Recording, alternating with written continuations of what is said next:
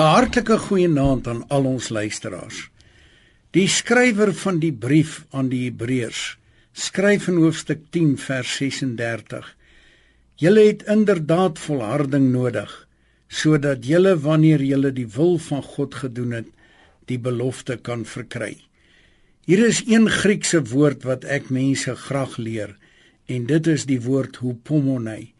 Dit beteken inderwaarheid volharding om vas te byt en dit selfs wanneer dinge sleg gaan.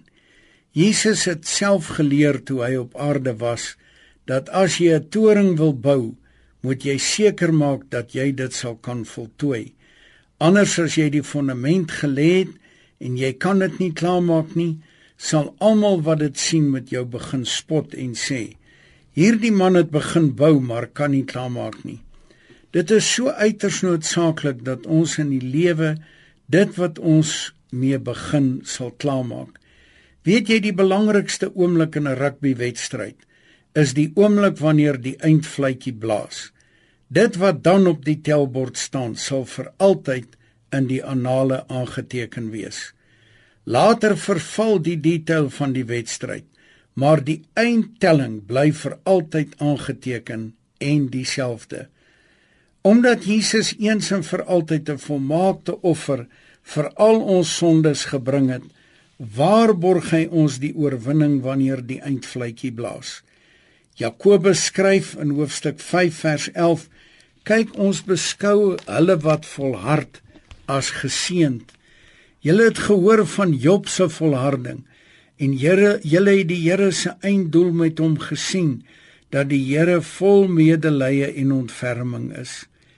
Jesus het geleer toe hy op aarde was dat hy wat volhard tot die einde toe sal gered word. Weereens dieselfde Griekse woord.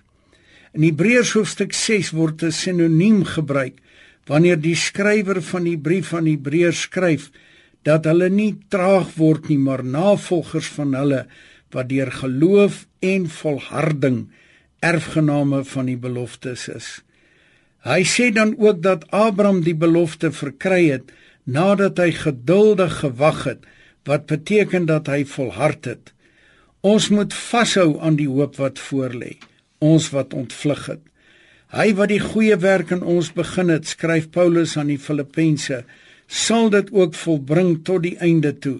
En selfs die Korintiërs wat aangespreek word oor hulle oortredinge, word in hoofstuk vers 8 tot 9 bemoedig met die woorde: Hy sal julle tot aan die einde standvastig maak sodat julle sonder blame sal wees op die dag van ons Here Jesus Christus.